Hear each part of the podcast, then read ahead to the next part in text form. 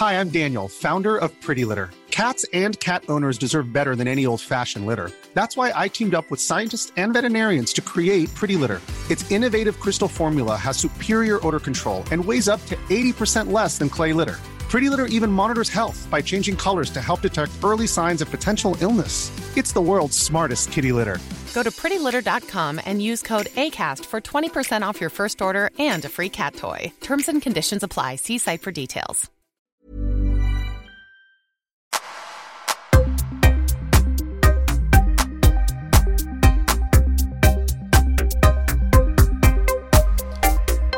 Katarina Bjärvall, välkommen till Öppet sinne.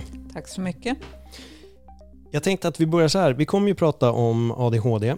Vi kommer prata om ADHD-mediciner och framförallt diagnostisering. Mm. Men jag tänkte bara att vi börjar med, vem är du och vad gör du och hur kommer det sig att du skrev just den här boken? Ja, jag är journalist och författare. Eh, Det där är min sjunde bok. Den kom ut 2019, så det är två år sedan. Har skrivit väldigt mycket, alltså jag skriver samhällsjournalistik i bred mening kan man Mm. säga som frilans och har skrivit mycket om skola. Eh, Ett par böcker tidigare om skola och eh, idén till den här boken kom ur reportage som jag gjorde ute på olika skolor där jag eh, insåg vilken stor betydelse ADHD-diagnosen spelar i klassrummen. Alltså hur lärarna förhåller sig till stökiga barn och ofta relaterar det till ADHD. Den här ungen har inte fått en diagnos ännu, vi hoppas att han ska få det. Den här ungen har glömt att ta sin medicin idag, det är därför hon är så rörig. Sådana kommentarer kunde jag få när jag var ute på reportage på skolor.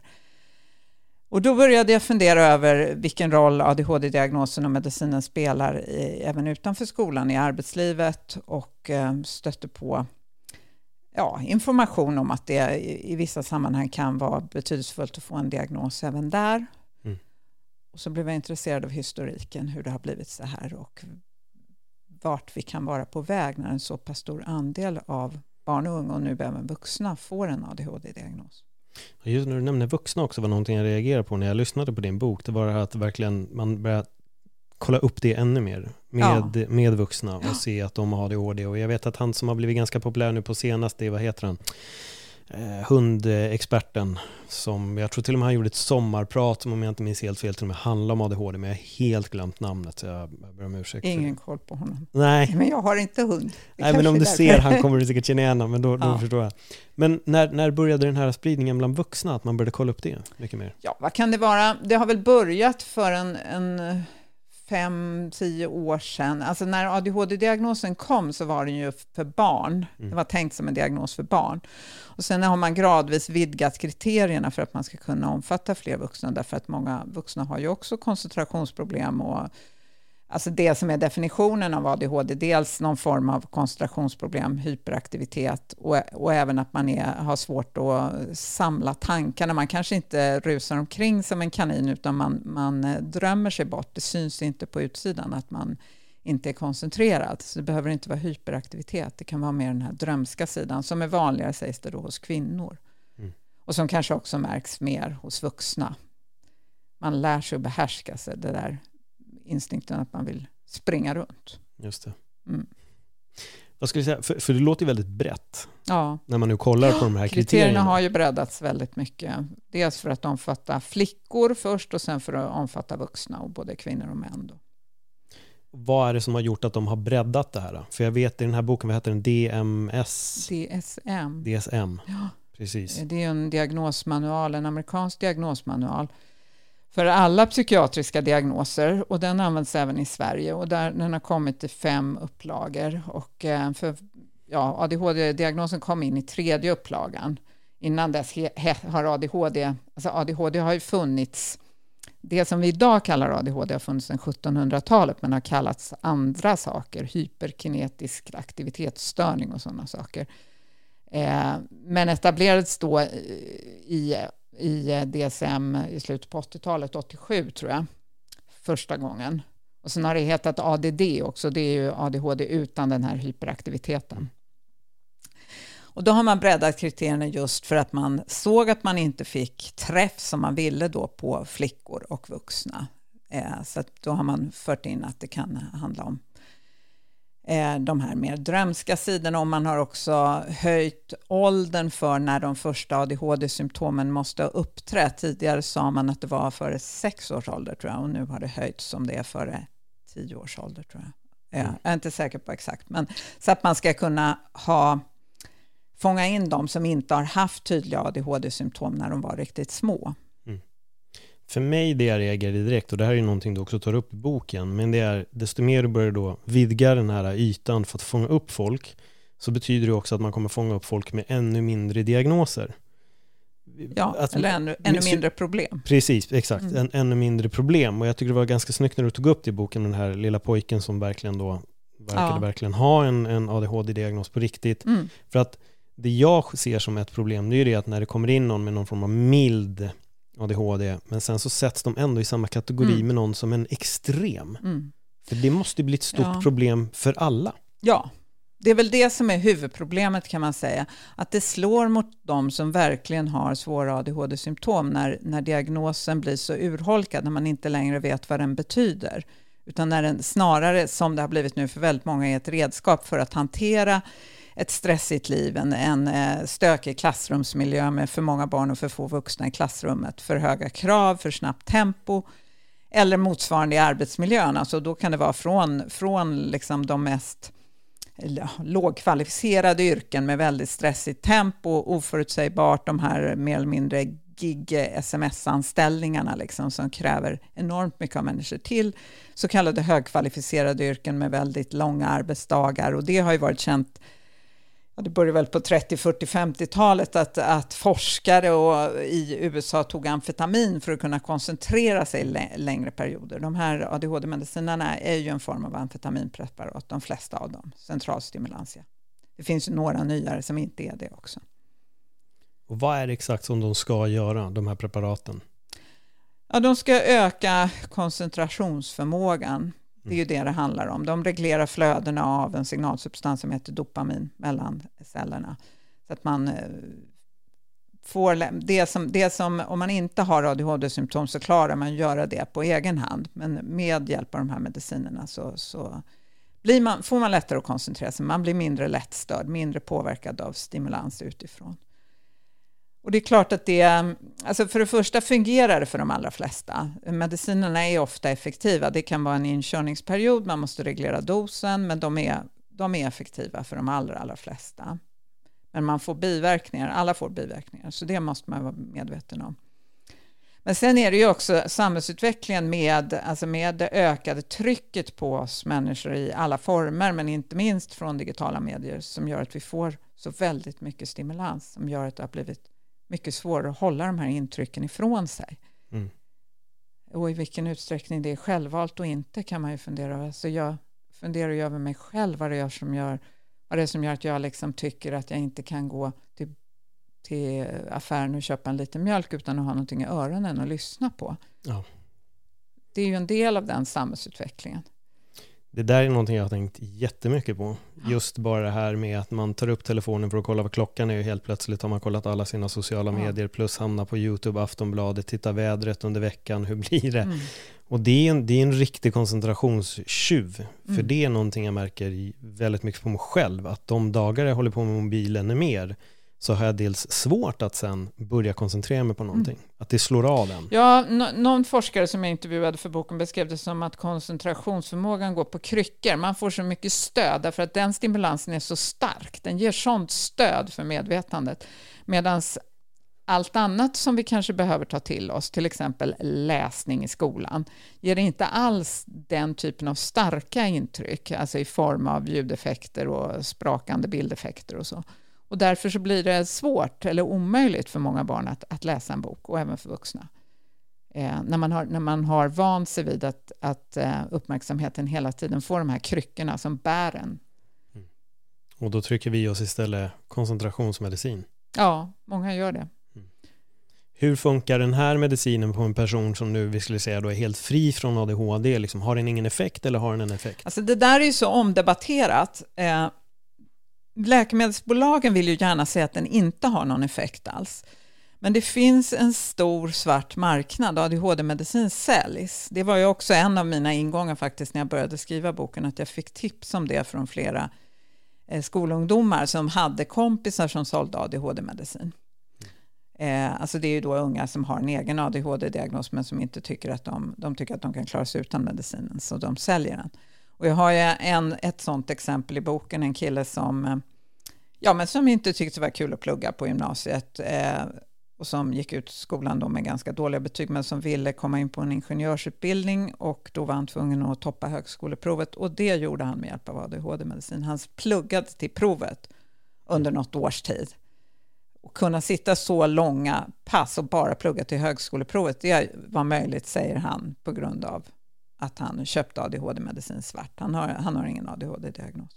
Hur länge gick han på det här? Tog han det dagligen eller tog han det då och då? Jag tror att han tog det när han skulle sätta sig och plugga, men det var ju en, alltså han hade ju väldigt, han hade ju inte presterat bra i gymnasiet, så han behövde ju ta igen de här tre ämnena som är på högskoleprovet, så han behövde plugga väldigt mycket. Mm. Och det gick bra. Alltså det förvånade mig att det gjorde det. Och då sa jag till honom, men du kanske har ADHD? Och då sa han, ja, så kan det ju vara. Jag vet inte. Det kan ju vara så att han har odiagnostiserad ADHD, mm. och det var därför det fungerar på honom. För du skriver, du berättar i boken också om att du faktiskt provade. Ja. En dag. Men det var väl mest, det var ju mest på skoj, alltså det ska mm. man inte ta på allvar. Jag, jag fick ADHD-medicin av en person som jag intervjuade som tyckte att jag skulle prova om det funkar på mig, så det gjorde jag då. Men jag tog ju bara ett piller på morgonen mm. och jag har ju inga svåra koncentrationsproblem, så det, det blev liksom ingen större effekt. Nej. Det ska ju påverka aptiten. Det är, ju, det, är det första som de flesta märker. Alltså på 50-talet används de här preparaten som bantningsmedel. Eh, men det kände inte jag. Jag var lika hungrig som vanligt. Ja, det ska göra dig mätt alltså? Det är ja, den effekten? Ja, precis. Man tappar aptit. Mm. Och det är svårt för många barn. Alltså ungar som behöver växa, eh, de gör inte det. De blir, de, det blir en definitiv påverkan på längdtillväxten på barn som äter ADHD-medicin länge. Jag tänkte jag vill hoppa in lite på bieffekter, mm. för det var någonting du nämnde och det var någonting jag reagerade också väldigt starkt på i den här boken när du tog upp. Men om du får fria händer här att ta upp eh, bieffekterna. Ja, men det är ju det vi pratar om nu. Eh, alltså de, de biverkningar som alla får, det är påverkningar på aptiten, fast alla märker det inte, men det, det är mätbart. Liksom. Det, det får man av den här medicinen.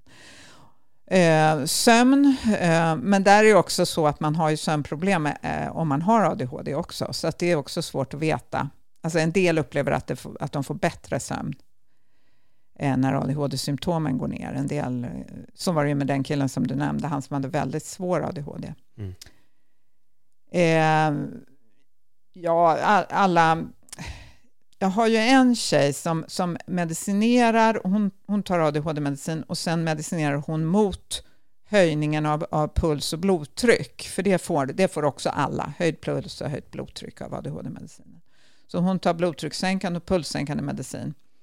Och sen tar hon medicin mot biverkningar av de medicinerna. Så att hon, det har satt igång en, en dominoeffekt som hon var väldigt bekymrad över när jag intervjuade henne.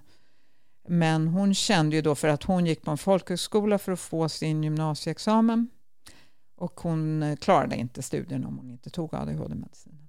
Så att hon tyckte att det var värt det. Är hon klar med studierna nu? Är det något du har följt upp? Jag tror det. Jag har för mig det. Att jag hade kontakt med henne för ett par år sedan just när boken kom ut och att hon hade lyckats. Och det var ju roligt. Och då kanske hon eh, kan sluta ta sin medicin. Det kan man ju hoppas. För det är det, då kommer vi också in på en beroendefråga. Mm. För börjar man ta de här preparaten ska jag tänka mig också att går det på någonting hela tiden, till slut så börjar man ju också intala sig jag behöver det här och oj, idag var inte mm. min koncentration mm. bra, då blir det nocebo och helt plötsligt så blir det skit för att man intalar sig själv att jag har inte rätt fokus mm. alls och så mm. vill man ta det här igen för att komma igång. Ja, så är det ju. De är ju inte beroendeframkallande i rent kemisk betydelse, så att man får liksom cold turkey, vad kallas det? Eh, Avtändning. Ja, eh, svåra fysiska mm. abstinensbesvär om man inte tar ADHD-medicinen. Men det är ju ett psykologiskt beroende, precis så som du beskriver det. Så är det ju.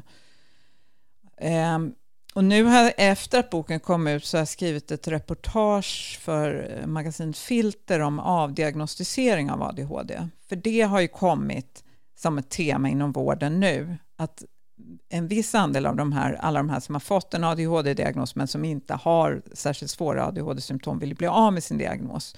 Oftast när de blir vuxna, därför att diagnosen sätter hinder i vägen för körkort, för värnplikt, för en del um, utbildningar, alla blåljusyrken och militär, eh, militäryrken militära yrken och så. Och då, har det, och då, då märks det ju tydligen inom vården att alltså, då vill de bli av med sin diagnos och de kan bli avdiagnostiserade, men sen händer det att folk ångrar sig igen.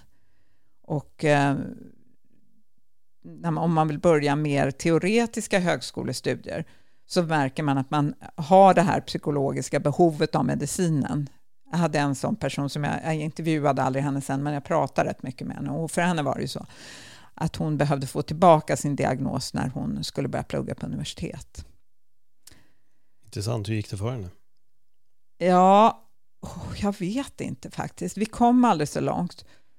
Det är också så, på universitet så är det ju så att man för att få studiehjälp, alltså till exempel anteckningshjälp eller längre provtid och sånt, så behöver man, måste man ha en diagnos. Det krävs att man har en dokumenterad diagnos. Det behöver inte vara just ADHD, det kan vara autismspektrum till exempel. Eh, så där, det är också en bidragande faktor till den här ökningen. Medan det är tvärtom faktiskt i grundskola och gymnasium. Där har man rätt till att få alla möjliga former av stöd utan att ha en diagnos. Men det fungerar inte. Det, det är skollagens skrivning, men, men kommuner och andra huvudmän bryter mot den lagen.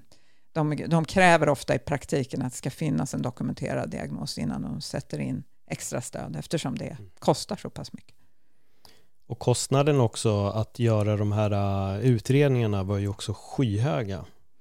Ja, de görs ju dels inom eh, regionerna förstås, barn och ungdomspsykiatrin, BUP och vuxenpsykiatrin, men också av privata bolag. Mm. Och då, som då fakturerar regionerna. Och det kan variera från, ja, vad är det, 29 000 upp, upp till runt 40 har jag för mig.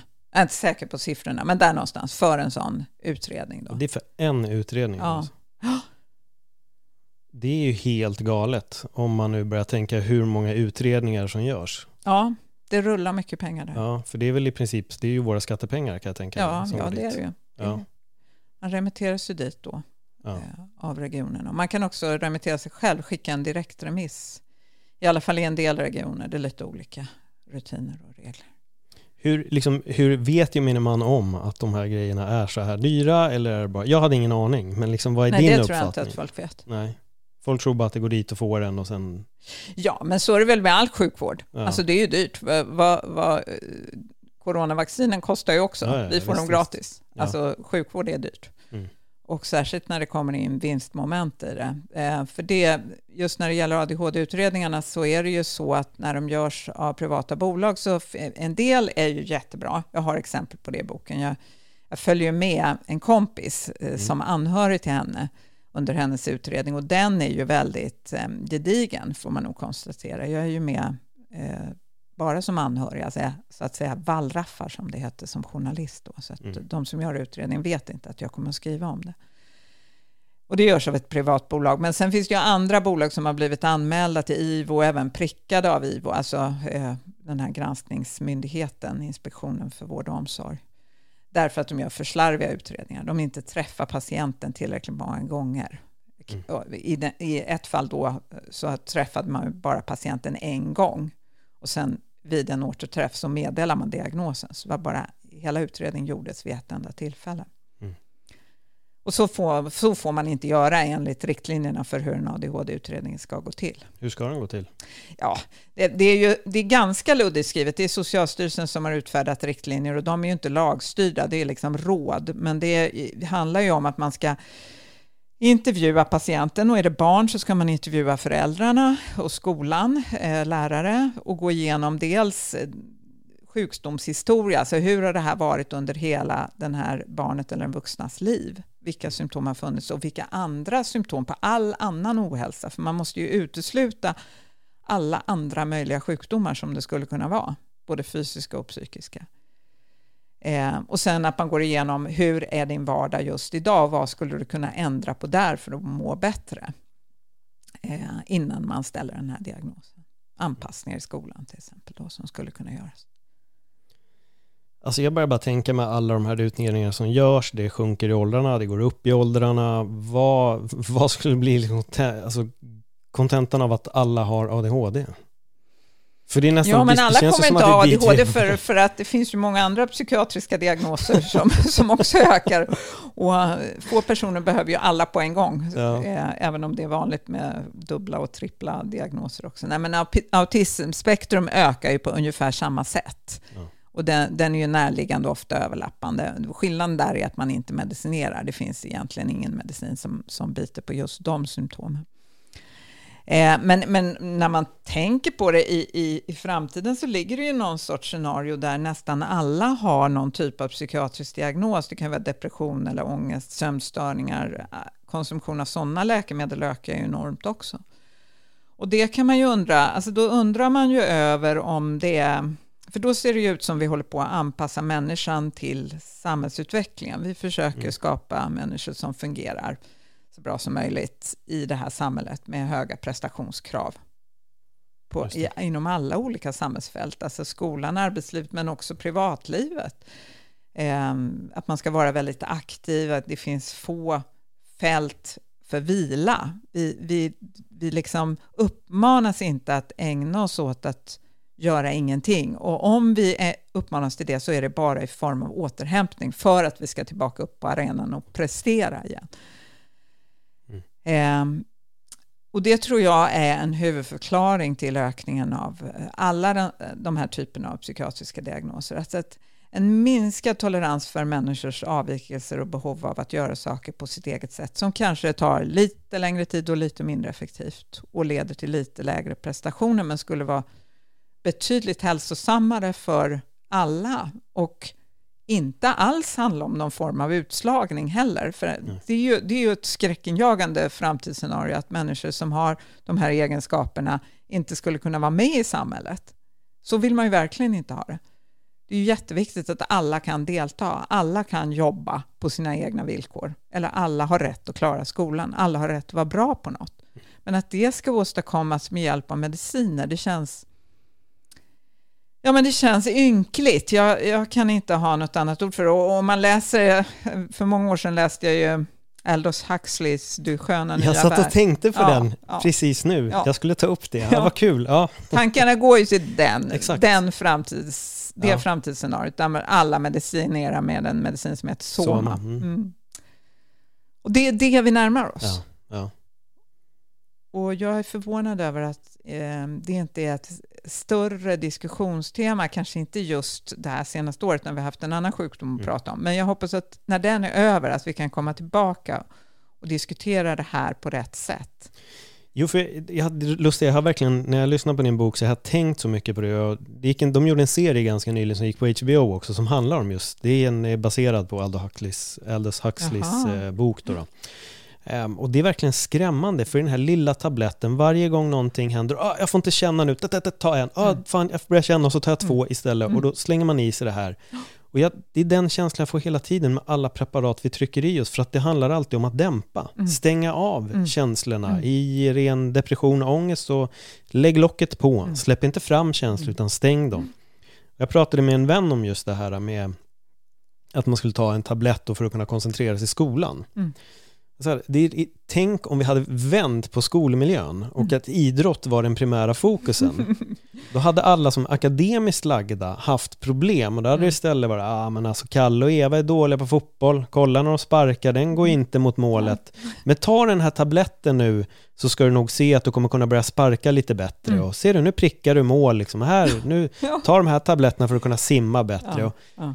Skulle man vrida det dit så skulle ju alla tycka att det var galet. Ja, Då skulle man tänka, vad i helvete ska jag ta en tablett för att kunna sparka på en boll? Jag kanske bara behöver mer tid för att lära mig. Men när det handlar om koncentration och sitta still, då är det mm. bara, ja, absolut. Mm. Men jag tror att du tog upp, vad hette det, den här tiden med den här nya skolmiljön som sattes, det hade någon namn va? Man fick backa rätt långt, att det blev det här strikta. Barn skulle sitta still, de skulle ta in och lära ja, sig. Alltså, och... det, det, är ju väldigt förknippat med skolplikten. Exakt. Alltså när skolplikten infördes runt mitten av 1800-talet i Europa så, så ökar ju diskussionen om barns koncentrationsproblem och det är då vi får sådana här böcker som den här boken Pelle Snusk som möjligtvis några kan komma ihåg som handlar om stökiga barn och hur de ska uppfostras. Och då är det ju med AGA. Och, och, och den skollagen avskaffades ju när det nu var.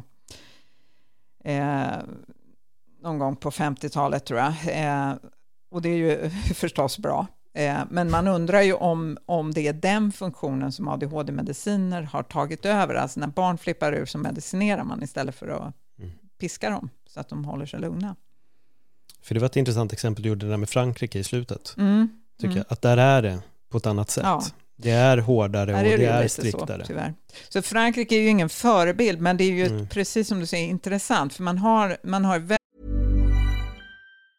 Many of us have those stubborn pounds that seem impossible to lose, no matter how good we eat or how hard we work out. My solution is plush care. PlushCare is a leading telehealth provider with doctors who are there for you day and night to partner with you in your weight loss journey. They can prescribe FDA-approved weight loss medications like Wagovi and Zepbound for those who qualify. Plus, they accept most insurance plans. To get started, visit plushcare.com slash weight loss. That's plushcare.com slash weight loss. Quality sleep is essential. That's why the Sleep Number smart bed is designed for your ever-evolving sleep needs. Need a bed that's firmer or softer on either side? Helps you sleep at a comfortable temperature? Sleep Number smart beds let you individualize your comfort so you sleep better together. JD Power ranks Sleep Number number 1 in customer satisfaction with mattresses purchased in-store. And now, save 50% on the Sleep Number limited edition smart bed for a limited time. For JD Power 2023 award information, visit jdpower.com/awards. Only at a Sleep Number store or sleepnumber.com. Väldigt låga ADHD-tal och nästan ingen medicinering, men man har en väldigt mycket hårdare skoldisciplin. Mm. Och det är uppenbart att det finns ett samband. Och det är inte så att, att Frankrike är en förebild, men man kan fundera över om det finns en tredje väg, om det finns något annat sätt att hantera skolan som skulle kunna vara fördelaktigare för alla. Mm. Tror du att vi kommer, eh, att diagnoserna kommer börja sänkas eller tror du att de bara kommer fortsätta stiga närmsta framtiden? Det finns ju ingenting som tyder på att de kommer att minska. Nej. Eh, jag tror att de kommer att öka och de kommer att tappa i värde. Och var vi hamnar då, då blir det ju så att den som har svår ADHD eller svår autism inte kommer att mötas av förståelse för att det, diagnosen kommer inte längre att bära med sig det den var tänkt för när de etablerades, de här diagnoserna. Så det är ju en, eh, det är en sorglig framtid tycker jag. Eh, men det är ju inte för sent. Alltså allt det här går ju att ändra och styra om mot en eh, människovänligare framtid. Ja, vi får verkligen se vilken framtid det är vi, vi går åt. För det som oroar mig mycket också i den här boken, och det här är någonting som jag har känt till ganska länge, men när jag har tagit upp det med vänner så får jag alltid kommentaren, ah, men det där är i USA, det är inte i Sverige. Mm. Och det handlar om läkare, lobbyister som pushar för en viss medicin, pushar för en stenhårt. Och det här är någonting som du tar upp i boken också. Mm. Och det finns i allra högsta grad i Sverige. Mm. Ja, i boken så granskade jag de 50 mest framträdande ADHD-experterna. Nästan alla är ju läkare, psykiatriker. Eh, och de och deras relationer till läkemedelsbolagen. Och då visade det sig att 24 hade starka band till eh, läkemedelsindustrin och till tillverkare av ADHD-medicin. De hade tagit emot pengar på olika sätt. Antingen eh, sponsor, fått sin forskning sponsrad eller eh, jobbat för läkemedelsbolag genom att eh, åka på marknadsföringsturnéer eller suttit i sådana här advisory boards, eh, expertpaneler hos läkemedelsbolag. Det fanns alla möjliga varianter, men någon typ av, av beroendeförhållande hade de, 24 av 50. Så det var alltså fler som inte hade det. Men de som syns mest i medierna och som också får sitta som experter hos myndigheterna, hos Läkemedelsverket och Socialstyrelsen, det var framförallt de här som hade de här nära banden till läkemedelsbolagen. Och de anses då inte jäviga av, av Läkemedelsverket och Socialstyrelsen. Och det det har ju Riksrevisionen gjort en gedigen genomgång av och anser att det är väldigt problematiskt att man accepterar det. Och, och Läkemedelsverket och Socialstyrelsen säger ju att tyvärr, det finns inga andra, det är så här det ser ut. Vi beklagar det, men det är ju uppenbarligen då inte sant, för det finns andra experter som bara inte är lika profilerade. Vad säger de som inte är lika profilerade? Jag antar att du har pratat med dem och vad, vad, vad, vad, säger de? Vad är anledningen till att de inte får komma fram? Är det bara att de andra har blivit då ekonomiskt Jag har inte pratat med någon av dem. Du har inte det? Nej. Nej, det har jag inte.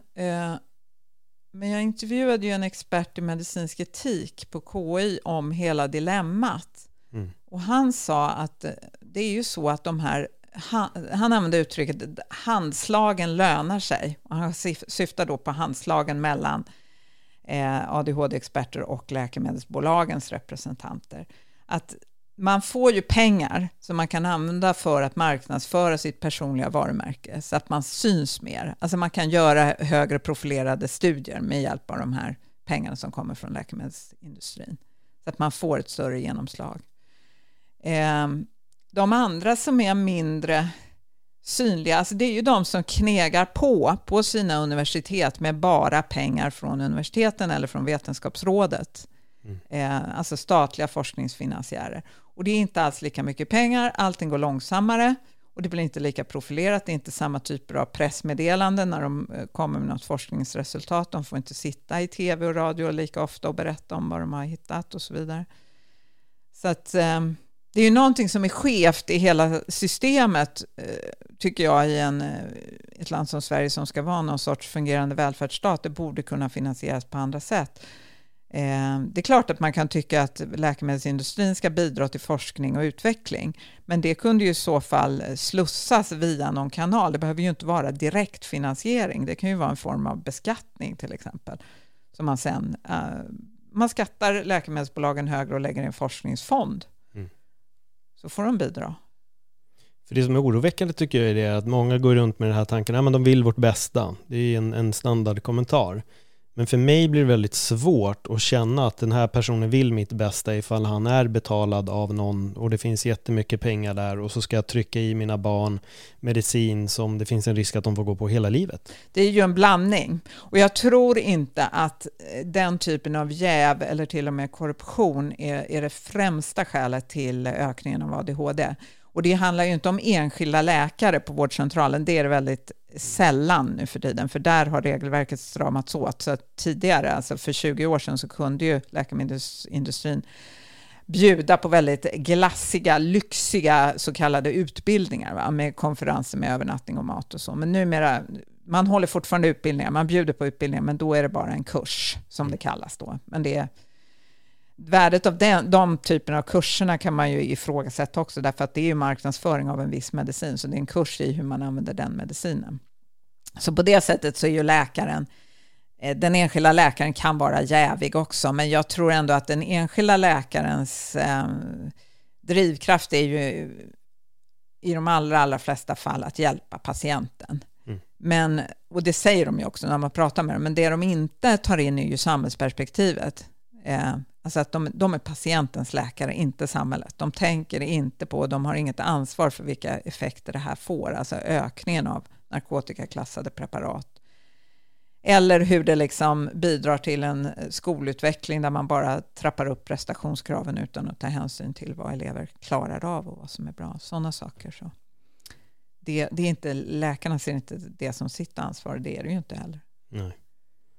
Det känns som att det är så mycket problem på så många hörn. Ja. För just när du nämnde det där med skolan och prestationerna, jag tror jag var Finland va, där de har tagit bort läxor och de har dragit ner massa grejer och folk har då istället fått bättre resultat. I Finland har de ju väldigt goda skolresultat, men att de skulle ha tagit bort läxor, det är mer än jag känner till. Ja, det är någonting de har ändrat på som de gör att skolgången blir enklare. Den ska teoretiskt sett bli lite enklare och då har istället prestationerna höjts. Ja, det, de, det... det de gör där är ju att de ser till att alla barn lär sig läsa. De fångar upp ungar när de är 6-7 år som har problem med läs och skrivning. Ja och, sätt, och ger dem extra undervisning. Och det är ju 30 procent av ungarna eller något sånt som inte kan läsa när de går, när de går ut ettan.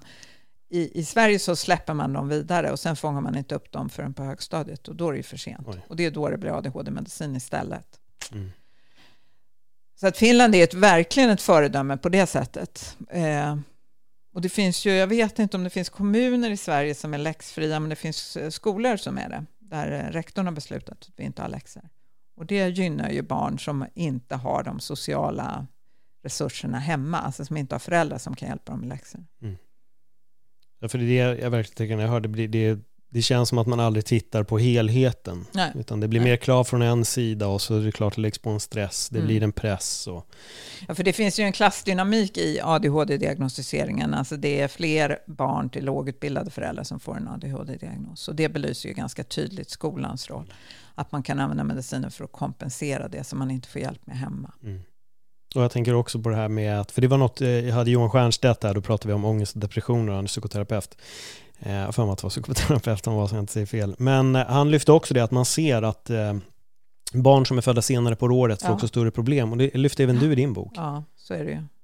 Det är väl 25 procent större risk att få en ADHD-diagnos om man är född i december jämfört med om man skulle vara född en månad senare, alltså på andra sidan Ja. nyår. För då slog tanken mig när jag hörde det där till att egentligen kanske det är fel. Vi kanske skulle behöva ha att skolorna började en efter sommaren och en Ja. efter vintern. Mycket mer flexibel Ja. skolstart. Eh, eller att killar, för att killar är ju överrepresenterade, att man eh, ger möjlighet för killar att börja ett år senare. Det finns det, i teorin finns det ju det. Man kan välja senare skolstart, men det är ju nästan ingen som gör det. Eh, därför att det är så um, belastat. Alltså det finns en skamstämpel att vara ett år äldre i klassen. Just det. Och det är jättesynd, för det skulle, nog, det skulle hjälpa väldigt många. Det är, för väldigt många är det bara en mognadsfråga.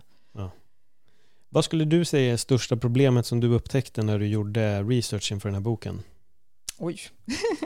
ja, men det är ju allt det här vi har pratat om. Alltså det är väldigt, det är ju det som fascinerade mig mest när jag började bli klar med boken var väl att se hur det hakar i varandra. Att det liksom inte är, en, en- det är inte ett enskilt problem.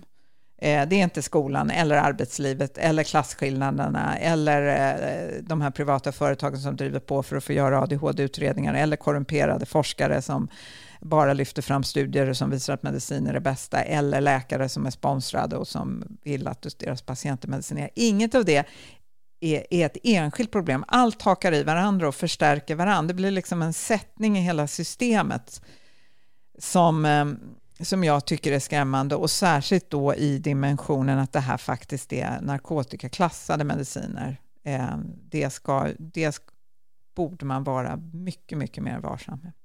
För det är verkligen det som är lite också anledningen till att jag blir väldigt nyfiken på att verkligen lyfta det här ämnet. För var det Concerta också som kunde bidra med ångest va? Och det tror jag väl var i princip nästan alla, de flesta Ja. mediciner kan ha en alltså biverkningseffekt som Concert är är ju den, det var väl den första medicinen som godkändes i Sverige och den är ju, det är ju centra- central stimulantia, metylfenidat som det heter, den kemiska verksamma substansen. Och den är ju narkotikaklassad. Eh, om, alltså, jag kan inte alla biverkningar för alla mediciner utan till, men jag, jag skriver ju om det i boken, eh, den här bipacksedeln som låg i det paketet med medicin som, där jag provade ett piller. Den var 80 centimeter lång med så här liten stil. Det var över 100 olika biverkningar. Mm. Eh, den värsta var ju plötslig död. Ja. Mycket, mycket ovanligt. Och det har väl hänt också? Jag för mig att Ja. du tog upp i din bok, nu kunde Ja. de inte härröra till att det kanske var exakt det om jag inte minns helt fel här nu, men... men Jag tror att, att eh, det var två fall där man, eh, kanske något fler, eh, det, var, det finns fall bland missbrukare. Eh, Mm. Då kan det vara alltså amfetaminmissbrukare som använder även ADHD-mediciner som dör av en överdos. Mm. Men sen finns det en del fall, ett par fall under då 15-20 års tid med unga killar som medicinerar som har dött av något, någon typ av plötsligt hjärtstopp.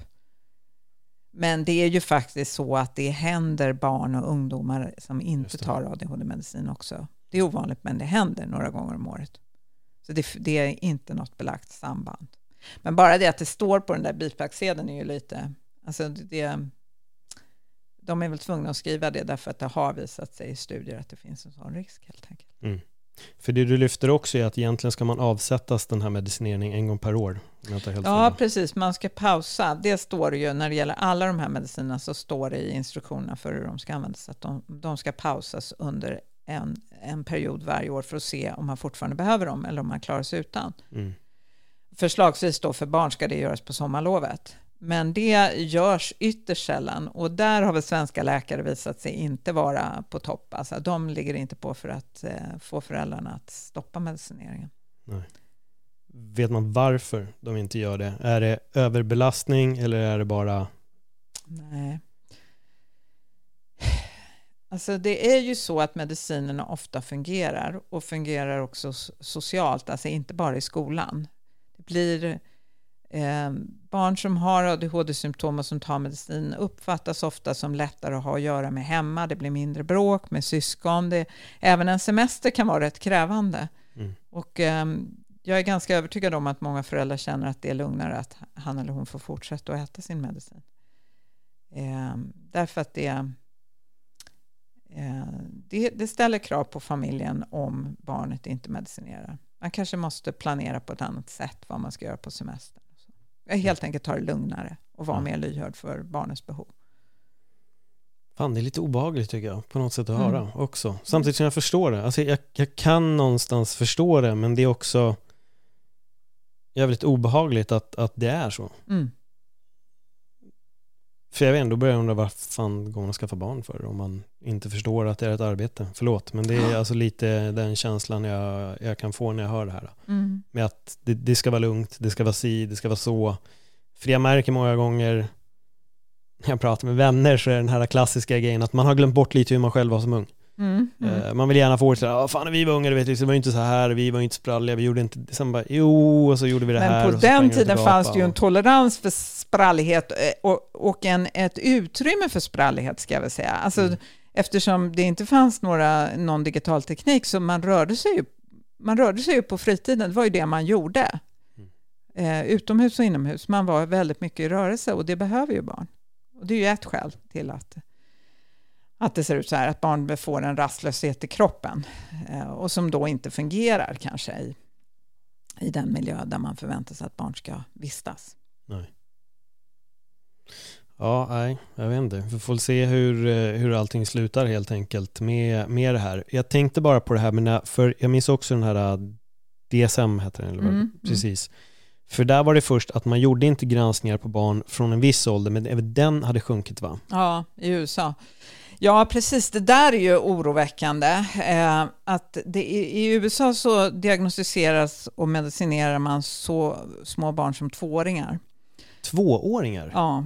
Och det är, ju, och det, är ju, det, är ju, det är ju helt groteskt, därför att när man läser kriterierna för ADHD så är det i princip beskrivning av en helt normal tvååring. Mm. Det är ju så barn ska vara. En tvååring ska ju inte sitta still. Nej.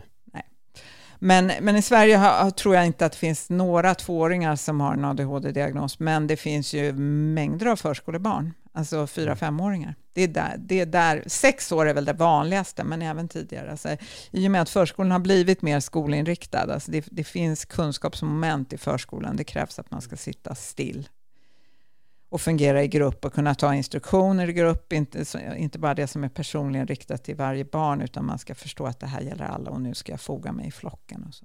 Det, det är inte alla fyra femåringar som klarar det och då kan de bli remitterade till en ADHD-utredning. Och det är här i Sverige? Ja. Och då kan de få börja medicin redan som mm. fyra femåringar? Mm. Ja. Hur ofta fick du höra kommentaren när du gick i skolan att ta inte droger för det kommer förstöra din hjärna? Mm man höra. Ja. Jag var på en skola nu när jag gjorde research för boken där eh, på sex år så, för då barnen, de här medicinerna ska man ju ta på morgonen när man äter mm. frukost, många av dem i alla fall. Och de äter frukost på, på fritids, på morgonfritids. Att, och de är för små för att ta medicinerna själva. Så det var ju fritidsledarna som delade ut medicinen. Och det är ju inte det är ju antagligen inte tillåtet. Alltså rektorn ville inte att jag skulle skriva det. För att eh, det, det, när jag kollade upp det sen med Skolverket och Läkemedelsverket så är det ju inte heller förbjudet. Det är inte lagstyrt överhuvudtaget. Mm. Men det är narkotikaklassade preparat som förvaras på skolan som delas ut av icke-vårdpersonal, fritidsledare, till sexåringar på morgnarna. Ja, jag blir bara matt. Så, så vad, vad, vet vi då rent forskningsmässigt om hjärnan på barn? Och det var lite därför jag också nämnde den här kommentaren med att droger förstör din hjärna. Mm. Är det bara helt safe? Att så här, ta det här, det är liksom, din hjärna kommer utvecklas helt normalt. Och för vi har ju också hört att man ska inte mixtra med hjärnan för att den ska få sin fulla utveckling fram till 2025 någonting där när den har utvecklats klart. Och, men nu snackar vi liksom medicinera i USA då, tvååringar här i Sverige, mm. fyraåringar som ska gå på mediciner som faktiskt konkret går in och förändrar. Det är inte jättemånga fyraåringar, det tror jag Nej. inte, men sexåringar, det är mm. där när man börjar skolan, förskoleklass. Ja. Eh, alltså de, de vanligaste biverkningarna som det pratas om, de är ju inte i första hand på hjärnan, utan det är ju de jag sa, eh, som har att göra med hjärt och kärlsystemet och eh, aptit och sömn och så. Eh, när det gäller biverkningar på hjärnan, eh, så jag vet inte, och jag vet inte hur mycket man vet om det heller. Nej, det är väl det att man inte vet. Det är väl Nej, det här som men är numera, alltså där, eftersom medicin har använts så pass länge så borde man ju kunna veta en del, men det, men det är klart att det är ju inte det är ju inte där den allra, de mesta forskningspengarna satsas på just att ta reda på biverkningar, utan det är ju att mm. optimera medicinerna så de blir ännu effektivare och kan funka på nya grupper. Det här var ingenting du tog upp i din, i din bok, men det är en fråga. Du, du kanske inte vet något om det, men det är bara hur är det att gå på de här medicinerna och vara gravid? Vet man det? Finns det någon forskning på det? Det vet jag inte.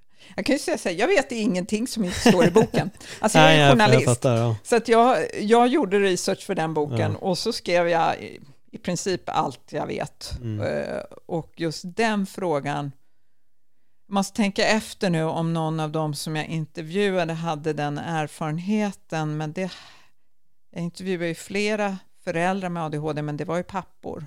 Mm. Så att jag tror inte det. Nej att jo, jo, just det, jag hade ju en ung mamma, ja, men hon hade ju, hon hade ju lagt bort sin ADHD-medicin. Mm. Hon var ju väldigt skeptisk till medicinen. Hon hade sparat en burk om jag måste städa, sa hon. Ja, just det. Just det. eh, men jag vet inte Nej. hur det är med det. Nej, den, den kom nu, det var därför jag började mm. undra och mm. se. Men jag får, jag får kolla upp det och så får ni säga till mig på Instagram så ska jag se om jag kan hitta något svar på det här. Ja, det är bra. Med, med graviditet och de här tabletterna. Um, alltså, ja, var, var, finns ljusglimtarna? Det är väl det jag undrar nu. Liksom, finns det någon ljusglimt i allt det här? Eller, för jag fick inte någon ljusglimt historia av din bok direkt. Nej. Uh, hur, hur, ser du på det? Finns det någon ljusglimt i, i alla diagnoser som sätts? Och... Ja, men det är ju förstås positivt att personer som har svår ADHD eller svår autism eller depression eller svår ångest kan, kan få hjälp av medicin för att ja. komma på fötter och, och, och, få sitt liv att fungera och sen kanske lägga av med medicinen. Så det är ju en positiv grej, men det är ju, det är ju välkänt och mm. väl omskrivet och finns väldigt många människor som också eh, marknadsför sina diagnoser på det sättet. Alltså som, det finns ju eh, personer just med ADHD som är ute och håller föredrag och pratar mycket om vilken nytta de har av medicinerna. Eh, så att det är väl den ljusglimten som finns. Jag, jag, tycker ju inte att det här är på något sätt en positiv utveckling att man diagnostiserar så många med väldigt svaga symptom. Det är, ju, det är problematiskt och det är där vi är nu. Mm. Och det är exakt därför som gör att jag vill ta den här diskussionen också, för jag vill verkligen också tydliggöra för alla som tittar och lyssnar på det här avsnittet att det handlar inte om att såga diagnosen ADHD, men om jag kommer in och har en spricka i min tånagel så vill jag nog inte att de ska säga att jag har brutit hela benet. Och det är nog lite den känslan jag får när jag läser mm. det, att det finns de som har så otroligt mild symptom, men sen finns det de som har otroliga, liksom, en otrolig problematik. Mm men de buntas ihop i samma. Ja. Och det skrämmer mig. Och det är också de som har symptom som är kopplade till vissa livssituationer, att det är så uppenbart att du har hamnat i, i trubbel. Mm. Alltså en, en skola som inte fungerar, lärare som har blivit sjukskrivna, stöket i klassen, sådana saker, eller en arbetsplats som inte fungerar, eller någonting annat, alltså en skilsmässa, någonting som gör att livet har stökat till sig. Mm. Och att det då ska lösas med medicin, det är ju oroväckande. Jag tror att vi får avsluta det här samtalet utan ljusglimt. Ja, tyvärr. Dessvärre. Det finns annat utanför den här debatten. Jo, men det gör det ju och, och jag tror att den här debatten kommer nog fortsätta och jag, tror det, jag tycker det är väldigt bra att du belyser det här med den här boken och jag har gjort den här podden sedan 2018 och jag fick nämligen din bok rekommenderad ganska tätt in på när den hade släppts. Mm -hmm. Så fick jag, alltså de skickade, du borde ha med Katarina Bjärvall i din podd. Eh, nu är du i alla fall här och ja. det vill jag verkligen tacka dig för att du har tagit dig tid och, eh, och komma hit och prata om din bok. Om man vill eh, liksom följa dig i det du gör, var, var kan man hitta dig då? Har du någon Facebook-sida? Finns det någon Instagram eller hur? Ja, Facebook-sida har jag. Eh, jag har inte Instagram egentligen, eller jag har något konto som jag inte använder. Jag har inte riktigt tid med det. Nej. Men jag, eh, jag, skriver på en ny bok nu som ska vara klar i september och kommer ut eh, i mars nästa år. Och den är full av ljusglimtar. Den är faktiskt mm. en, eller full av ljus. Den är en reaktion på den här boken lite, för det här var väldigt tungt att skriva. Jag blev ju inte glad av att skriva den här boken, så Nej, jag kände jag att jag måste skriva något som är roligare. Så att, det är mitt ljus just nu. Ja, får man fråga vad det handlar om eller håller du det tills Nej, det är, inte, det är inte alls hemligt, men det är helt annat ämne. Det handlar om eh, 1700-talsfilosofen Mary Wollstonecraft och hennes resa i Sverige, Norge och Danmark mm -hmm. sommaren 1795. Mm. Så intressant. Ja. Men det är väl det som är skönt med journalistik, att ja. man, kan, man kan uträtta ett ämne först och sen ändå gå på någonting helt annat. Mm. Och Precis. gräva i det. Nej, jag förstår vad du menar med inga ljusglimtar, för jag känner inte jättemycket. Men jag tycker den är väldigt, eh, den är bra. Jag gillar hur du pendlade mellan livsöden med folks egna historier. Vissa som hade en grov ADHD, vissa som hade en väldigt mild, vissa som kanske inte ens hade, vissa som hade det här med studiebiten som du tog upp. Men sen också att du tar upp medicineringen, att ta upp det här med läkarna. Det är väldigt mycket nyttigt som kommer fram. Så jag tycker för er som inte har läst den eller hört den, ta chansen om det här samtalet eh, intresserar dig så lyssna eller läs på, på hela boken. Så du får möjligheten. Det är du som ska ha ett jättestort tack för att du tog dig tid och kom hit. Tack Katarina. så mycket. Det uppskattas väldigt mycket. Så ja, helt enkelt, gör er eh, egen lilla undersökning och eh, kolla upp och ta reda på, på mer om, eh, om ämnet. Och glöm inte att scrolla igenom Öppet sinne podcast för att hitta fler intervjuer där vi tar upp andra ämnen som du säkert kommer att gilla. Med det sagt säger vi tack för den här gången. Ha det jättebra. Hej då!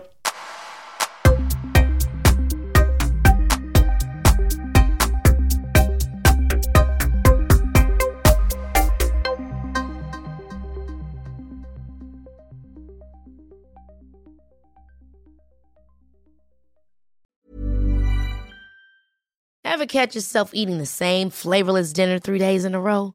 Dreaming of something better? Well, HelloFresh is your guilt-free dream come true, baby. It's me, Kiki Palmer. Let's wake up those taste buds with hot, juicy pecan-crusted chicken or garlic butter shrimp scampi. Mm. Hello Fresh. Stop dreaming of all the delicious possibilities and dig in at HelloFresh.com. Let's get this dinner party started.